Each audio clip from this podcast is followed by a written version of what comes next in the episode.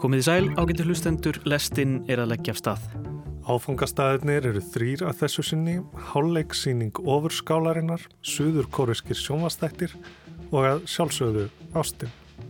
Og það sem ég laði strax bara var að hún væri eitthvað svona takk fyrir líkama konunar, hún væri kannski takk fyrir leið og allir dansarinnir 80 í kvítu búningunum væri takk fyrir sæðisfrumunar, sko. Mm. Söguhetjur Kóröku sjómasáttana borða yðurlega gyrnilega kræsingar af bestu list, ólíkt því sem áhórundur eiga venjast í bandarísku þáttum þar sem drikkir eru pantaðir en aldrei druknir og matur sjaldan snættur. There is nothing, basically. I mean it quite literally. Ég heiti Jóhannes Ólafsson og ég heiti Snorri Ravn Hallsson. Þetta er lestinn þriðjudaginn 14. februar.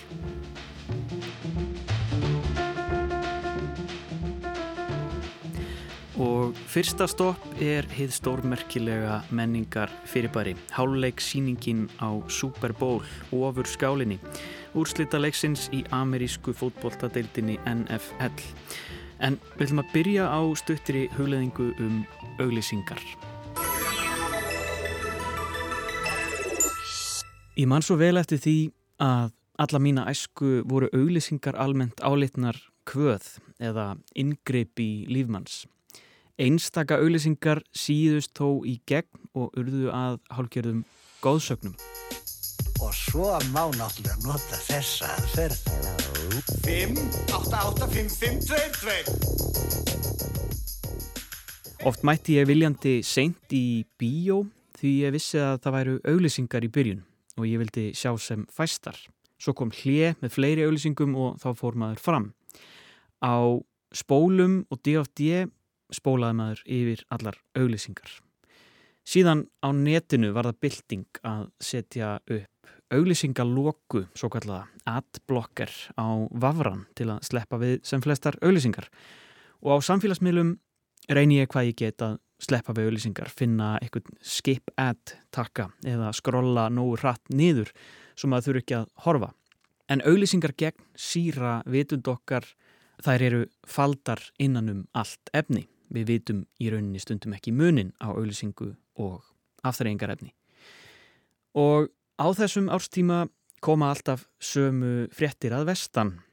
Super Bowl úrslitin í nótt sjáðu allar auglýsingarnar á einum stað, segir í mörgum fyrirsögnum. Frétta. Það eru fá auglýsingarlíða sem vekja jafn mikið umtal og það sem er í háluleik úrslitaleiks NFL-deildarinnar í amerískum fótbolta sem var á sunnudaginn.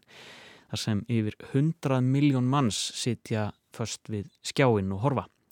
Undanfarið hefur háleikurinn vakið jafnvel meiri aðtekli en sjálfur leikurinn en það er leikurinn í raun aðeins lítið hluti sjónvars útsendingarinnar sem stendur í tæpa fjóra klukkutíma.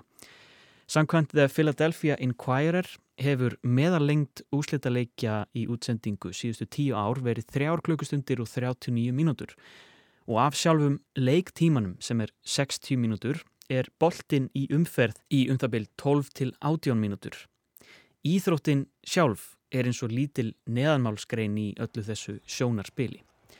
En svo því sé haldið til haga, þá voru það Philadelphia Eagles og Kansas City Chiefs sem mættust í úslitónum á sunnudaginn og höfðu Chiefs betur með 38 stegum gegn 35. Boston Scott right up the cut inside the five and he's taken down there. Eagles can actually get a first down down at the one. En þá aftur að háleiknum. Það er þá sem rafströymi er hlift um ljósvakan. Undan farin ár hafa stórstjórnur komið fram í háleiksliði ofur skálarinnar svo kvöldu og sett á svið rándýra síningu þar sem öllu er til tjaldað. Kanski ekki skrítið í svo ofur markaðsettum afþreyingar og neyslu viðburði. Árið 1967 er almennt talið að fyrsta háleiksíningin að þessu tægi hafi farið fram og engu tilsparað þar heldur. Þar lék risastór masserandi lúðrasveit, auk þess sem nokkur hundru dúfum var sleft lausum og líka 2000 bladra. Að lokum tóku svo tveir menn á loft á svo kallum jetpack eða þóttupoka og svefu um í 20 sekundur. Þetta hefur sem sagt alltaf verið sjónarspil en áherslan á popstjörnuna, einstaklingin, hefur verið mun ríkari síðustu 30 árin.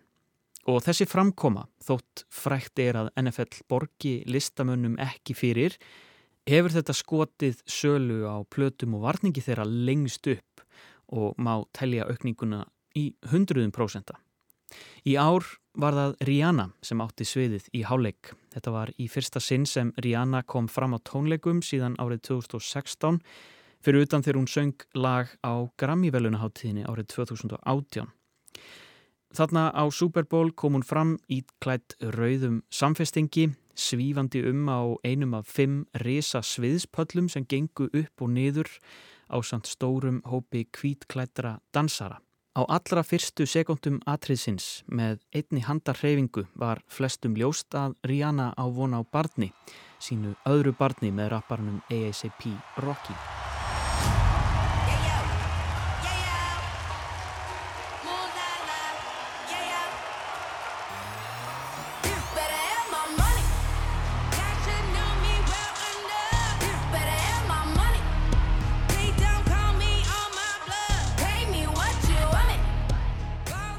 Atriðið í hálfleik úrslitalegs NFL-deildarinnar í amerískum fótbolta vekur orðið sjálfkrafa viðbröð nánast og kallar á einhvers konar greiningu.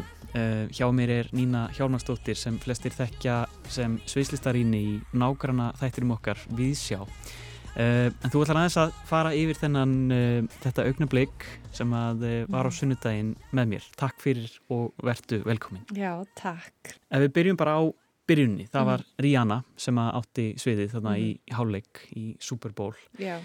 uh, hún hefur lítið komið fram undanfærin ár mm -hmm.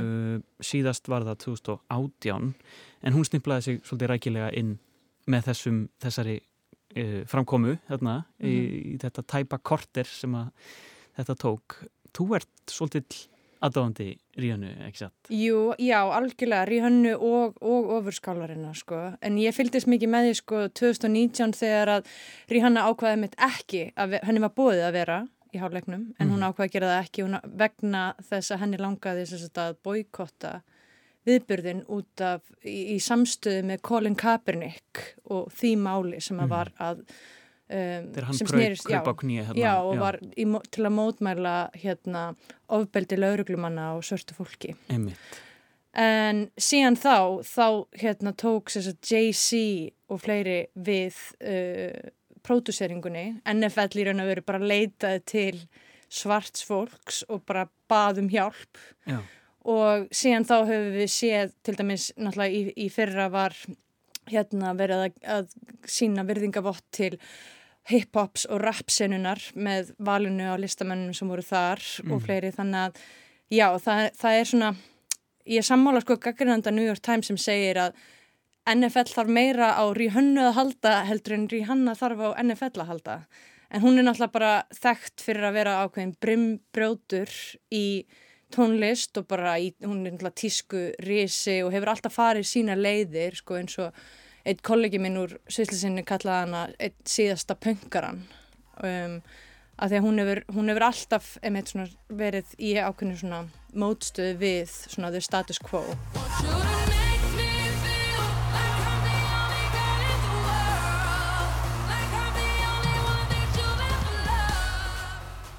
En svona bara fyrstu viðbröð uh, við þessari síningu, hvað hérna, hvað, hvað svona kom á óvart? Hvernig, hvernig fannst þér þetta? Sko ég var að reyna að halda mig vakandi en gafst upp og horfið síðan á þetta uh, morgunin með nefndunum mínum, mm. með dansnefndunum mínum og við, við vorum öll bara í ákveðinu svona leiðslu eða, eða sjokki yfir bara orkunni sem að, sem að fór í sko sem náði mér þess að til okkar veist, frá þessari konu náttúrulega sviðsmyndin og dansararnir eru allt saman mm. ótrúleir, en, en hún sjálf bara sviðsnervera hennar er svo, er eitthvað sem kom mér raun vera á óvart, maður er mm. kannski vanur því að að fólk sé, að það sé rosalega mikið sjó í gangi, þú veist, það sé gestasöngvarar, búningaskipti, þú veist, og það er sem að maður eru heyrt núna að er rosalega misjöf viðbröðin við þessum við þessum performance, mm. margir er að segja hún var ekki að gera neitt.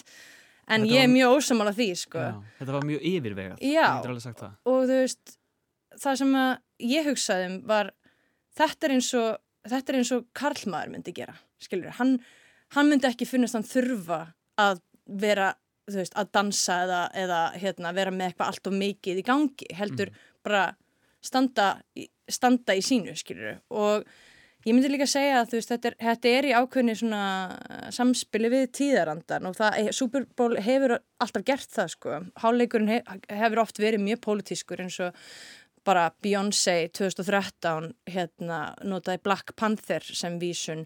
2020 voru Shakira og J-Lo með börn í búrum sem hérna sem svona viðbræð við Trump og, og hérna málunni á landamæru Mexiko. En Rihanna er einmitt alveg sultu slök og það er vísutandi gert. Mm. Hún er hérna í þessu svona less is more þá verða svona þær vísanir sem að hún gerir taka miklu meira pláss og, og þú veist, já, bara svona talandum um túlkun, þú veist, það er ég sko hugsaði strax um að hún væri sko takk fyrir og sérstaklega þegar ég sá að hún væri ólétt og það er búin alltaf búin staðfest að það að hún hafi verið Það ólétt. kemur bara fram eiginlega í fyrst, já. fyrstu, Já. na, á fyrstu sekundunum. Þú veist, og það sem ég las strax bara var að hún væri eitthvað svona takk fyrir líkama konunar, hún væri kannski takk fyrir leið og allir dansararnir 80 í hvítu búningunum væri takk fyrir sæðisfrumunar, sko. Það var svona eitt svona mjög auðljóst sem að ég las út úr þessu. Það var eitthvað svona frjósemis dans. Já, og svo saman tíma getur maður hugsað svona hversu sterk sögn það er þegar ólétt kona er að vera kynfyrsleg eins og hún er. Hún er með svona kynfyrslega nervuru og hreyfingar og það er eitthvað sem að sko grefur undan sko ímyndin okkar um hvernig ólétt kona hegða sér Já, í raun og veru.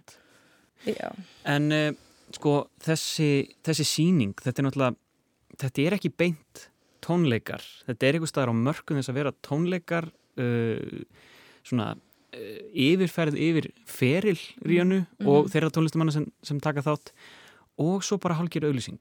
Þetta er einhver staðar alveg þarna á inn í þessu neyslu brjálaði sem, sem þessi leikur og þessi útsending er. Mm þá er þetta náttúrulega það sem gerist í miðinni þetta er algjör svona Mhm. uh, miðpunktur. Um, er, er þetta svona af hverju skiptir þetta svona rosalega miklu máli uh, núna í dag? Já, þetta er náttúrulega stærsta svið, eitt stærsta svið í heimi, þú veist. Það er um, hægt að gera svo mikið með þetta og ég líka sko skinja það í rauninu, hún er algjörlega meðvituð um þessa auðlýsingu, skilu, hún er sjálf miljardamæringur og hún, veist, þetta moment þar sem að hún, hérna, í performansinum þegar það er akkurat sko vel tímasett við að þegar lagið All of the Lights kemur á ljósin kvikna og hún fær þetta make-up hérna, svona make-up pad í hendina og, og situr á sér svona tvær um, tvær svona púður púðurslengjur Já. í framann og það er einmitt bara það er svo, það, maður tengir svo mikið við það þegar þegar ljósin kvikna í klubnum þá er það fyrsta sem, sem konur þá, þá náum við í sko speilin okkar og, og skoðum make-upið okkar. Þetta er rosalega svona strakitís markasetningur en verið hjá henni. Og líka undistrykar þetta að hún þarf ekki á okkur að halda. Hún hefur þennan, þennan rísa veldi sem hún hefur byggt upp. Hún fer einn leið, hún er, er eignast börn, hún er einbyttið sér að öðrum hlutum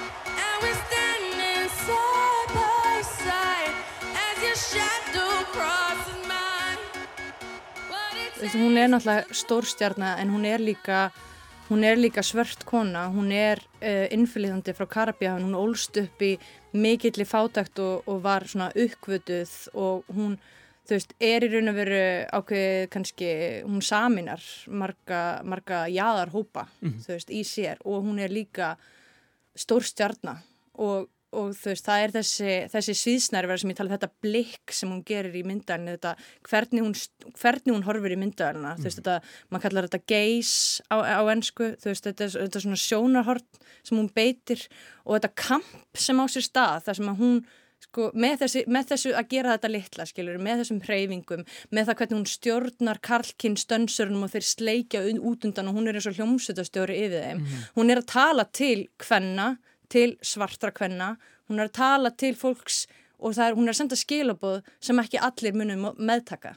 Fyrir mér sem sko, person, performance fræðingi þá, þá er eitthvað svona stórkvæslegt að sjá eitthvað á stærsta sviði heimsins gera eitthvað sem að sem að mér finnst um, vera að íta við einhverju, veist, pólitíslega séð og, og, hérna, og gera það í gegnum eitthvað sem er jafn mainstream og NFL háleikurinn. Mm Og það er hægt að gera það í svona ofurmarkasettu Já, það er náttúrulega sko stóra spurningi, það er sem að maður er alltaf að velta fyrir sér sko, er, það er þessi hugmyndum að kapitalismin þurfi þessa, þessa svona blekkingu af hérna, mótmælum eða svona hérna, mót, andstöðu, já, til þess að fungera sko, Mhm. og er, er þetta bara það? En ég held að þetta, maður geti aldrei svarað þessu, maður þarf eiginlega svolítið bara að velja sér afstöðu og mín svona leið til að leið til þess að, svona mitt trúabræði í lífinu er rundar að listin, listin geti haft sko hérna uh, hvað segir maður svona subversive áhrif Mhm. skilur, geti hérna ko- koll, Kollvarpa já, þessu- kollvarpa þessu- takk, já, Já. já.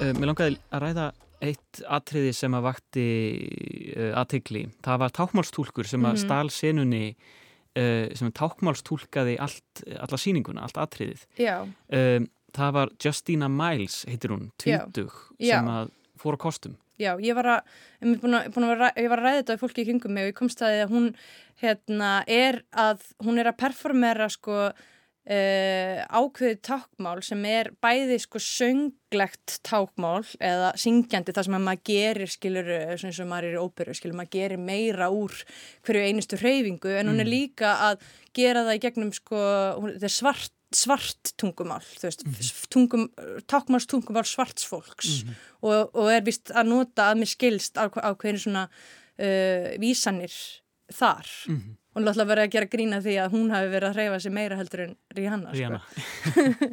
Akkurat. en svo líka annar, annar vísinu sem hann var að nefna að þennan Rihanna uh, búningurinn að fötin sem hún klæðist Mm eru vísun í sko hérna Andri Leon Talli heitin sem að var rittstjóri Vogue og var fyrsti svarti rittstjóri Vogue og hérna og bara svona algjör hérna Bröðir hendi. Brautriðandi í, í tískunni og, hérna, og í þeirra vináttu og, og, hérna, og þá líka talað um það að sko, loka lagið Diamonds þar sem að hún náttúrulega bara þessi, sviðsmynd sko, þú veist hvernig hún fer upp í loftið og maður sér alla áhörundunar og ljósin sé, línutnar þar séu líka um, hún sé að tala til hans.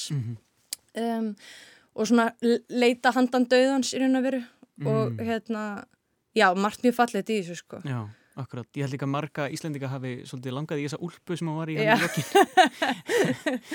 já, En, en sko, einmitt, við höfum ekki rætt sko beint uh, sviðsmyndina sjálfa. Er náttúrulega þessir, þessir uh, hérna, sviðspallar Já. sem fóru upp og niður voru ro- rosa svona já, ábyrjandi. Um, og líka þessi pallur hérna fyrir neðan. En þetta var samt eitthvað svo látlust. Þó að þetta sé auðvitað rosa flókið og, og þarf gríðarlegan undirbúning og, Mhm. og örgis hérna, búnað og annað, þá er þetta samt eitthvað svona, það fór einhvern veginn ekki mikið fyrir þessu, kannski að þetta bara virkaði svo vel. þetta er svo stilrænt sko, ég held að það sé málið að þetta er, þetta er rosalega tæknilega erfitt og less is more en, en um leið er þetta svona more skilur. Mhm. þetta er hennar líka ákveðin vísun, vísun í Kanye West sko og hún er náttúrulega tekur líka tvö lög sem að eru vísun í hann og hann er náttúrulega búin að vera mjög umdeldur líka þessu ári um, en, en mér finnst þetta sko tæknilega bara ótrúlegt að horfa á þetta og þetta er mjög sko vísvitandi hvernig hún hérna hvenar hún fer upp og hvenar hún fer niður og mómentið þegar hún fer upp í endan og það er eins og pallurinn sé að hristast og maður er bara er, við minn góður, er hún örkatna skilur, hún er líka Já. þar að íta móti einhverju með því að vera veist ólétt og okkar ímyndum hvernig ólétt kona á að vera Já. Óleitt að konu eftir kannski ekki vera í þessari, þessari stöðu. Nei.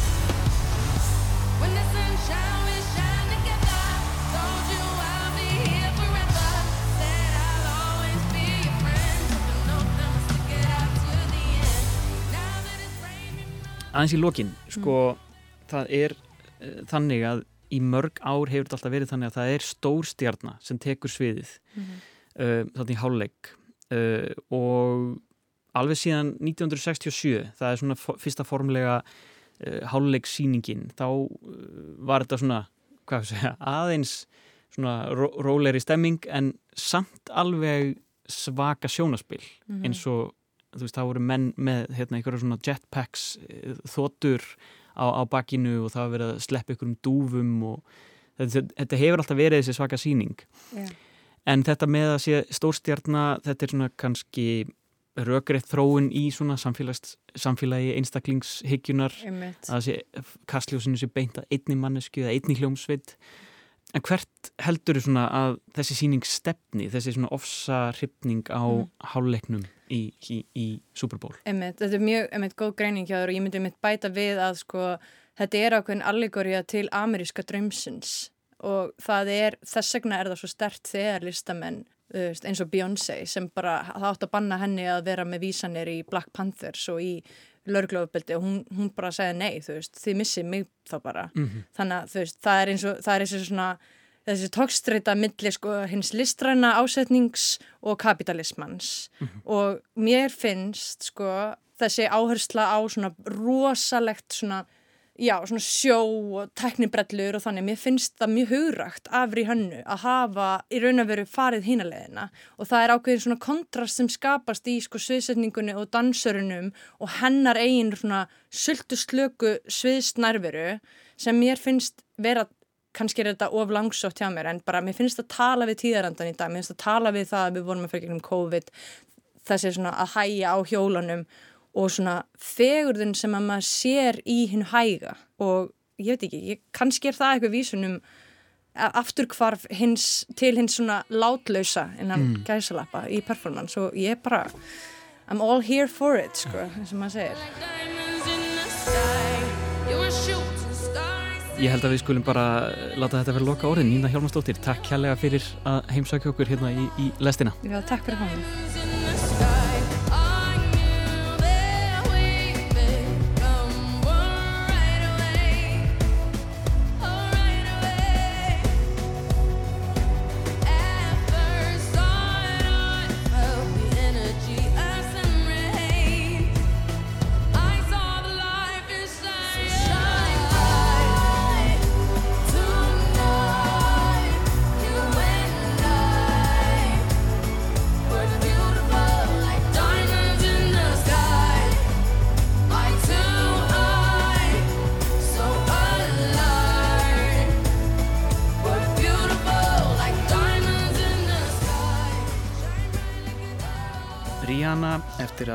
ljúka sinni hálfleiksýningu á Super Bowl ofur skálinni.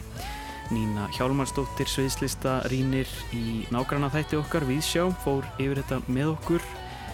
Það er í mörg horn að líta og eh, mörg augu sem að voru límt á skjánum á sunnudag. Já, augu okkar eru límdu skjái mest allan daginn. En sumt af því sem fyrir augu ber er áhugaverðara en annað. Eirún Lóa Eiríksdóttir, pislaði höfundur lestarinnar, rínir nú í þættina Crash Course in Romance frá Suður Kóreu. Suðu kóruski sjómasættir hafa átt miklu vinsaldum að fagna undan farin misseri og vinsalastu þættir Netflix og upphafi, Squid Game, eiga raunar uppruna sinna reykja þangað. Kóresk menning hefur sleiðir ægjali í gegn á alþjóðuvísu og er talað um kóresku bylgjuna í þeim efnum. En hún byrtist hvað helst í vinsallir dægurlaga tónlist, K-popunu svo kallaða, sjómasáttum, K-dramanu, kvikmyndum, snirtiförum og kóreskri matagerð. Söguhetjur kóröku sjómasáttana borða yðurlega gyrnilega kræsingar af bestu list, ólíkt því sem áhórundur eiga venjast í bandarískum þáttum þar sem drikkir eru pantaðir en aldrei druknir og matur sjaldan snættur. Töfrar keitramans liggja í hinnu samanlega sem hrýfur áhörundu hvað mest en það er fjallað um vandamál sem áhörundu kannast við og sagan er sett fram með allegóriskum hætti í anda fantasíunar eða síðferðisleira sögu og katharisist næst þegar hamingiríkur endir er í höfn. Menning suður kóru byrtist áhöröndum og huga þeirra hverju smáatriði sem myndar nokkuð ánægilegt sjómasefni. Þættirnir eru klukkutíma langir í um 16 þáttaseríu þar sem sagan klárast í lokaþætti. Keitramað skýr sér nokkuð úr að því leiti að frásagnast snið skarast og þættirnir höfða til breyðs áhöröndahóps. Oft er á ferðinni nokkuð flóki sambland af einlægri gleði eða fyndnum uppákomum og drama sem speiklar þá nýstandi erfileika sem söður kóruska þjóðin glýmir við. Með speiklun er áttu hugtak sem meðal annars er notað í sjómasfræðum og á rætur sínar að reyka til eftirlíkingar eða mímesis Aristotelesar. Fræðimaðurinn Artur Asa Berger hefur rannsakað speiklænir í sjómasáttum og segir að fígururnar sem speiklaðir eru til áhrönda séu ekki nákvæm eftirmynd að raunveruleikanum, speiklunin geti verið bjöguð og innihaldið stereotypiska framsetningar og almennar hugmyndir sem eiga ekki endilega við röka styðjast. En eru þráttur í það einhvers konar speiklun á hugmyndum sem eiga sér brautagengi í samfélaginu sem sjómasefnið er framlegt í. Þó kádrama þættirnir séu fantasíða er um leið að finna sangleikskorn í umfyllunarefninu. Barsfæðingum fyrir stöðugt fækkandi í Suður Kóru og hafa stjórnmöld reynda spórna við með því að styrkja fóreldra með fæðingarstyrkjum og hvetja þannig til barnigna. Ástæðunar fyrir barnleysi þjóðarinnar eru efnahagslegar en ungt fólk kvíðir framtíðinni og hekar við að eignast börn meðal annars vegna hás fastegnavers og þeirra staðrendar að það kostar gífurlegar fjárhæðir að menta ungmenni. Daburleg tilvera blasir við þeim sem standa höllum fæti menturunlega séð og stjættaskipting er mikil. Álægið er hvað mest á mæður en er eiga bæði erfitt með að taka sér frí frá vinnu og fara aftur út á vinnumarkaðin. Þær bera auk þess hitan og þungan af mentun barnana. Gamaldags hugsunaháttur um hlutverk mæðra er enn við líði í Suður Kóriu og þetta kom meðal annars fram í nýlu viðtali við fósita landsins sem sagði að það veri ekkert viti að hafa börnin á leikskóla, uppbyldið ætti að fara fram heima við. Álægið byrja því við fæðingu, eigst jamt og þett þegar kemur á skólagöngu og byrjar virkilega að vera íþingjandi þegar ungmennin eru komin áleiðis í námi og þurfa kostnæður sem aukanámskeið og engaskóla til að komast að í bestu háskólum landsins. Hér á landi glíma fóreldrar ekki við samskonar mentunar kapplaup en vandamálun eru þó af keimlíkum toga og byrtast einna helst í þriðju vaktinu svo kvöldluðu og því hvernig foreldrar og sérstaklega mæður þurfa að glíma við skilningsleysi skólaæðivalda yfir vanlíðan barna þeirra sem nú er nefnt skólaforðun.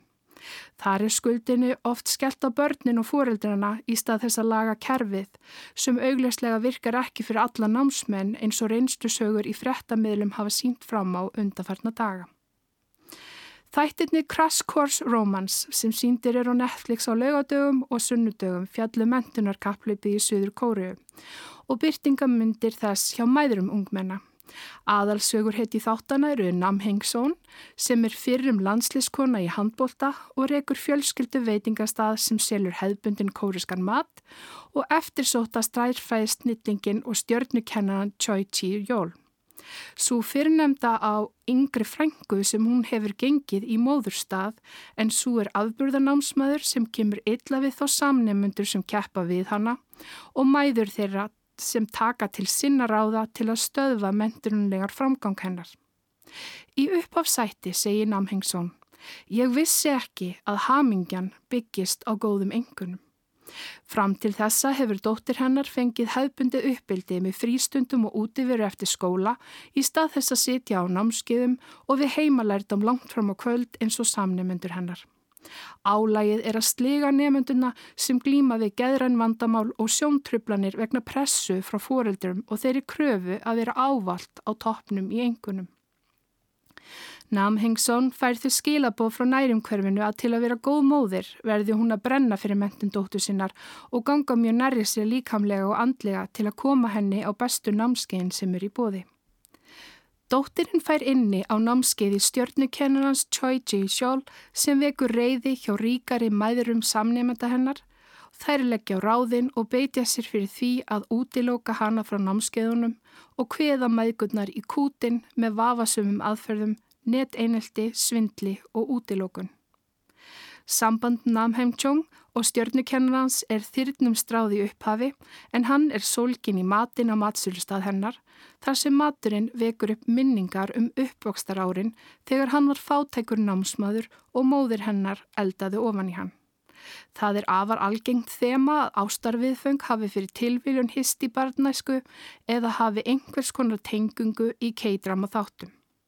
Ástin tekur á blómstramilli þeirra en það er erfitt fyrir þau að vera saman þar sem Namhengsjón hefur sagt öllum að hún sé gift kona svo dóttir hennar verði ekki fyrir aðkasti í skólanum. Það sýnir aftur rótgróna fordóma samfélagsins gagvart börnum sem eru munaðalaus eða einhverju leiti fyrir utan hinna hefðbunnu kjarnafjölskyldu. Þegar samband þeirra verður að frétta efni vandast málinn þar sem skuldinni er skellt á namhengsjón og hún smánuð fyrir að hafa tæltinn ofurríka og sjarmerandi stjörnukennara sem fóreldrarnir vilja að komi börnum sínum á toppin. Það sem mér finnst helst áhugaverti þættina er hversu stuðandi það er að fylgjast með kapsumum fóreldrum, sleppa fram að sér beislunu og beita sér gagart öðrum börnum svo þeirra barn komist í fyrsta sæti. Þessu sveipar til aðstæðina sem skapast í íþróttaiðkun barna hér á landi þar sem ofur kapsamir fóreldrar missa ráð og rænu og hegða sér á vafasaman hátt eins og gert var grínað í síðasta áramótaskaupi. En öllu gríni fylgir alvara og þótt sjómasættinir séða mestu í gamansumum tón á milli alvarlegra atriða þá sína þeir það sem ungt fólk hefur kvartað yfir í Suður Kóriu.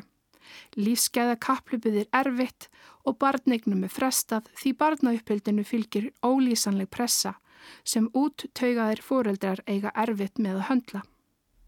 Þættirnir eru ennþá í síningu og því ekki ljóst hvernig leist verður úr þeim flækjum sem eru til staðar, þótt að sé von mín að réttlætið sigri.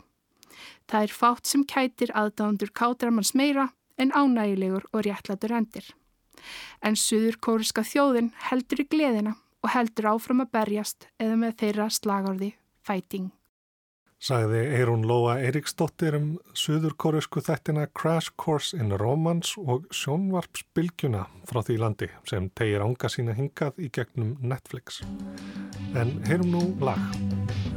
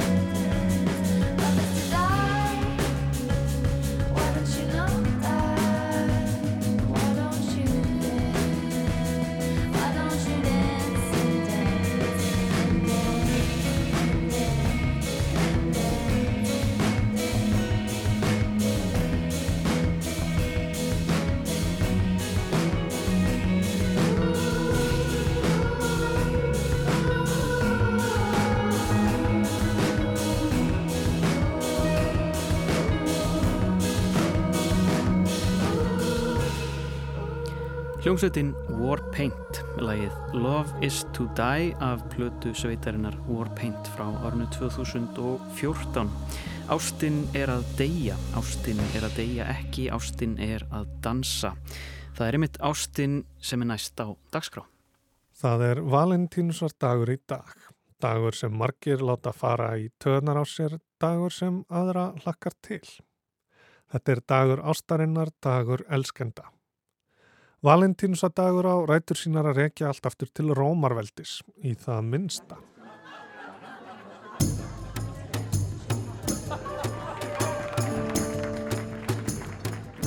Lupercalia var þryggjadaga háttíð haldinn 13. til 15. februar ár hvert til heiðurs guðunum Pan og Juno, guðum ástarinnar, hjónabandsins og frjóseminar.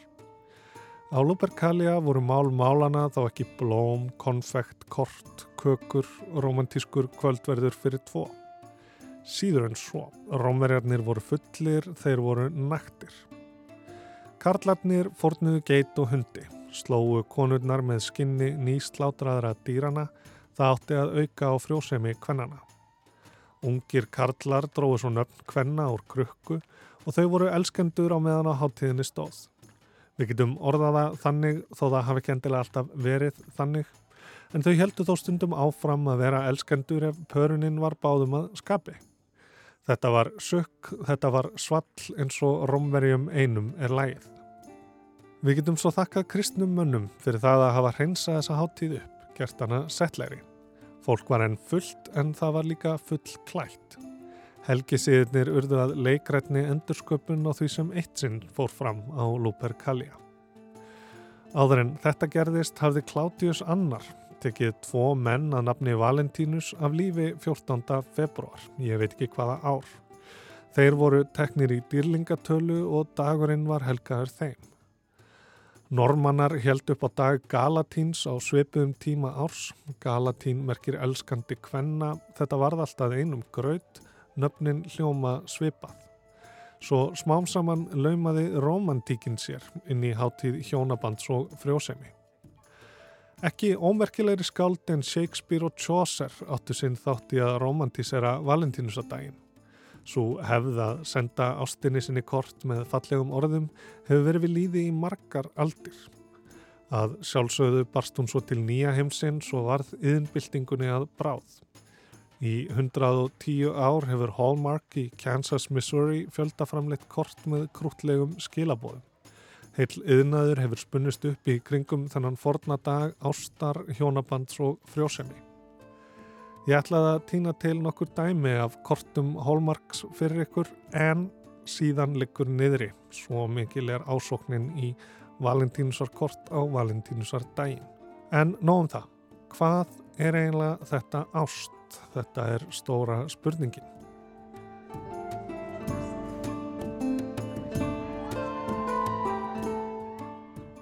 Ef við höldum okkur við fortíðina og förum aftur til forn Gríkja má greina sjö gerðir af ást. Eros er svo romantíska, Fília er vinakærleikurinn, Storge ást foreldris til barns, Pragma svo hagnýta, Lútus svo gáskafulla, Agape er guðleg ást og svo er það fyl átíja. Svo síðastnemda, sjálfs ástinn hefur líka fengið sinn eigin dag. 11. november, dagur einhleipra, hefur tekið svörtu degi fram sem stærsti einstaki verslunadagur heims. En greikinnir sá snemma að sjálfsástin hefur tvær hliðar. Hún getur aukið sjálfströst og sjálfsöryggi. Það er gott að vera góður við sjálfan sig. En hún getur líka snúist upp í sjálfs elsku, að maður setji sjálfan sig ofar öllu, jafnvel guðunum og það veit ekki á gott. Það getur endað með græðki, ofdrambi, jafnvel ílsku. Öll ást getur orðið undarleg, snúist upp í brjáleiði, blindað, réttlætt, skadað. En það þýðir ekki að hún sé skadleg í eðli sínu, aðeins að hún sé vand með farin eigi ekkert að fara úrskeiðis. Eða hvað? Hvað ef allt sem getur farið úrskeiðis hefur nú þegar farið úrskeiðis? There is nothing, basically. I mean it quite literally. But then how do things emerge? Here, Í grunninn er ekki neitt, segir slóvenski humsbyggingurinn Slavoj Žižek á sinn síkilda taugaspenta hátt í myndbandi sem ber titilinn Love is Evil. Ástin er ill.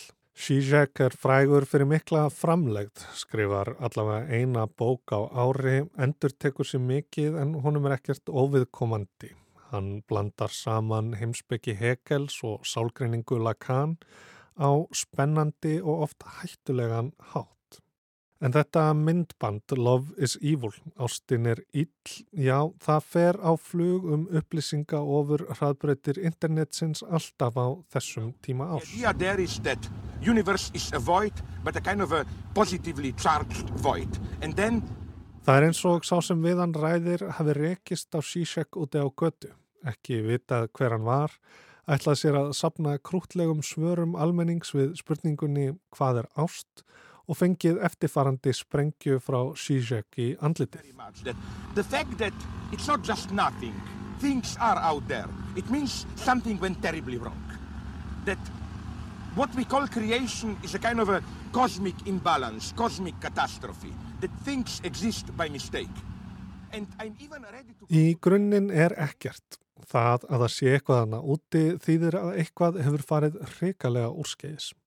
Að það sem við köllum sköpun sé alheims ójapvægi, alheims stórslis. Að hlutirnir séu til fyrir mistök. Og ég er tilbúin að fara alla leið og halda því fram að okkar eina úrræði gegn þessu sé að gefa okkur mistökin og fara alla leið. Og við eigum til heiti yfir það. Það heitir ást. Er ástin ekki einmitt slíkt ójafnvægi í alheiminum? And I'm even ready to go to the end and to claim that the only way to counteract it is to assume the mistake and go to the end. And we have a name for this. It's called love. Ójafnvægi alheiminum, já, hvað á hann við? Zizek segir að honum hafi alltaf bóðið við hugmyndinni um að elska heiminn, algilda ást. I basically, I'm somewhere in between. I hate the world or I'm indifferent towards it. But the whole of reality, it's just it. It's stupid. It is out there. I don't care about it. Heimurinn er þarna úti, honum er nokk sama um hann, segir að elska er gríðarlega ofbeldisfull aðtöfn. Ást er að velja eitthvað úr og það fylgir formgerð ójafnvægisins. Jafnvel þó að þetta eitthvað sé bara lítið smáatriði við hvaðum einstök manneskja. Að segja ég elska þig meira en allt í þessum formlega skilningi er ástin ill. I say I love you more than anything else. In this quite formal sense, love is evil. Í þessu stuttamindskeiði tæpir Zizek á tveimur tegundum ástar, agape annars vegar og eros hins vegar.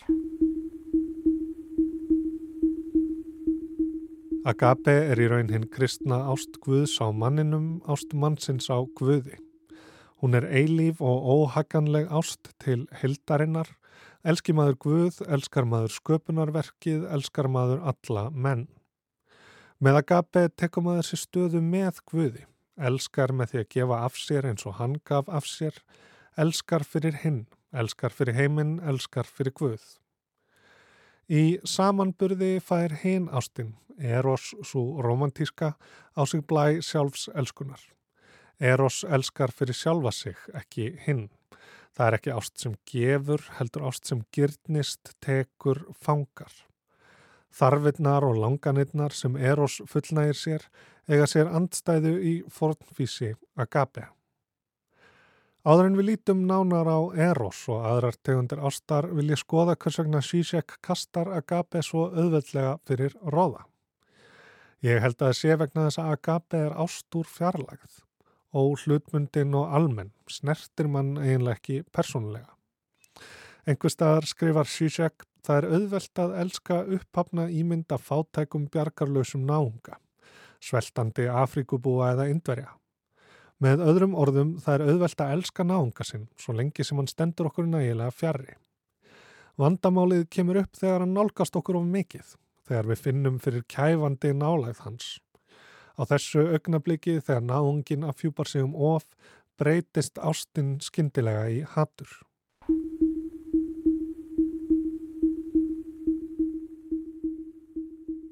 Agape umturnast í andkverfu sína vegna þess að hún gengst ekki við mistökunum sem heimurinn er. Eina leiðin til þess að allt sé í jafnvægi er að það sé ekki neitt. Í tilraun sinni til að ná utanum veruleikan hafnar Agape veruleikanum eins og hann er, verður því fyrir harkalegri opinberun þegar veruleikin brýst fram í allri sinni ófrínilegu dýrð, á ekkert í hann. Eros er aftur á móti staðfesting á óreiðunni, því sem gerir það mögulegt að eitthvað geti gerst. Eros tekur sér ekki stöðu með guði utan heimsins, heldur springur hún fram í heiminum, er nýtt upphaf nýr kvellur af fjúpar innmitt það sem býr innst, innra með manni. Mér verður hugsað til sorgar þrýrnings Rúbens Östlund í þessu samengi. The success of a luxury cruise mainly depends on you. I don't want to hear anybody saying no. It's always yes sir, Um yes borði í ma'am. skemmtiferðaskipi er þess krafist að starfsfólkið segja já við öllu því sem gestirnir vilja. Það hleypur þó snurða á þráðinn þegar gömul moldrik kona vil fá eina þjónustustúlkuna með sér í heitapottin. I command you, enjoy the moment. No, No? no, What? You say no to me? no, no, So it's yes. yes, Hún no. skipar henni beinlinis að njóta augnabliksins en slík skipun gerir um leið út um möguleikan á að framfylgjenni. Um leið og það að njóta verður skilda breytist öll nöytn í kvöð. Þjónustustúlkan bregður sér að lokum í pottin en það er greinilegt að henni þykir það óþægilegt. Hún er jú þvinguð til þess. Að einhverju leiti er þetta líka munurinn á Agape og Eros. Agape er skilda, þér ber að elska náungan, elska guð, elska sköpunaverkið. Á meðan Eros er eitthvað sem lætur á sér kræla, þú finnur fyrir og þú velur að fylgja eftir. Og í því er bæði fegurð og frelsi, en líka ofbeldi, ekki gagvart þeim sem við elskum heldur gagvart heiminum. Með ástinni gerum við upp á milli hlutana í heiminum, fólksinn sem byggir hann. Við tökum einn einstakling sem við elskum meira en allt út fyrir svega, segjum að hann skipti meira máli en allt hitt. Þetta skapar ákveði skeitingarleysi, skeitingarleysi sem að er ofbeldi. Ástin getur aldrei verið skilda, þó hún grundvalli og styðji við þar skildur sem við berum. Foreldrum ber ekki skilda til þess að elska börni sín en þeir gera það nú yfirleitt samt. Og svo ást stiður við og eflir þær skildur sem þeir bera. Auðveldar þeim að gera skildur sínar og leggja sér fram við að gera gott betur, því þeir elska börnin sín. Við elskum vin okkar ekki að því við eigum að gera það heldur því okkur líkar við þá, svona yfirleitt. Við eigum samleið í lífinu höfum verið til staðar fyrir þá og þeir fyrir okkur.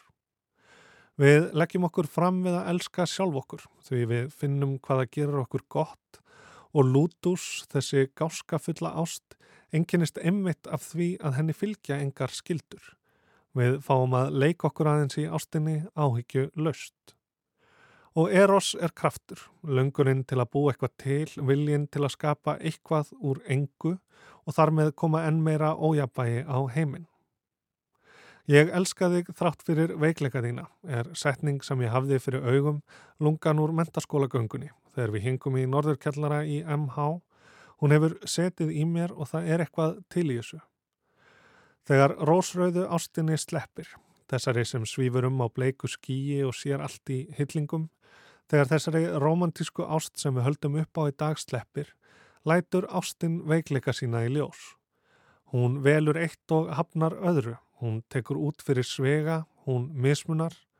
Við elskum þrátt fyrir veikleika ástarinnar. I love you more than anything else. In this quite formal sense, love is evil.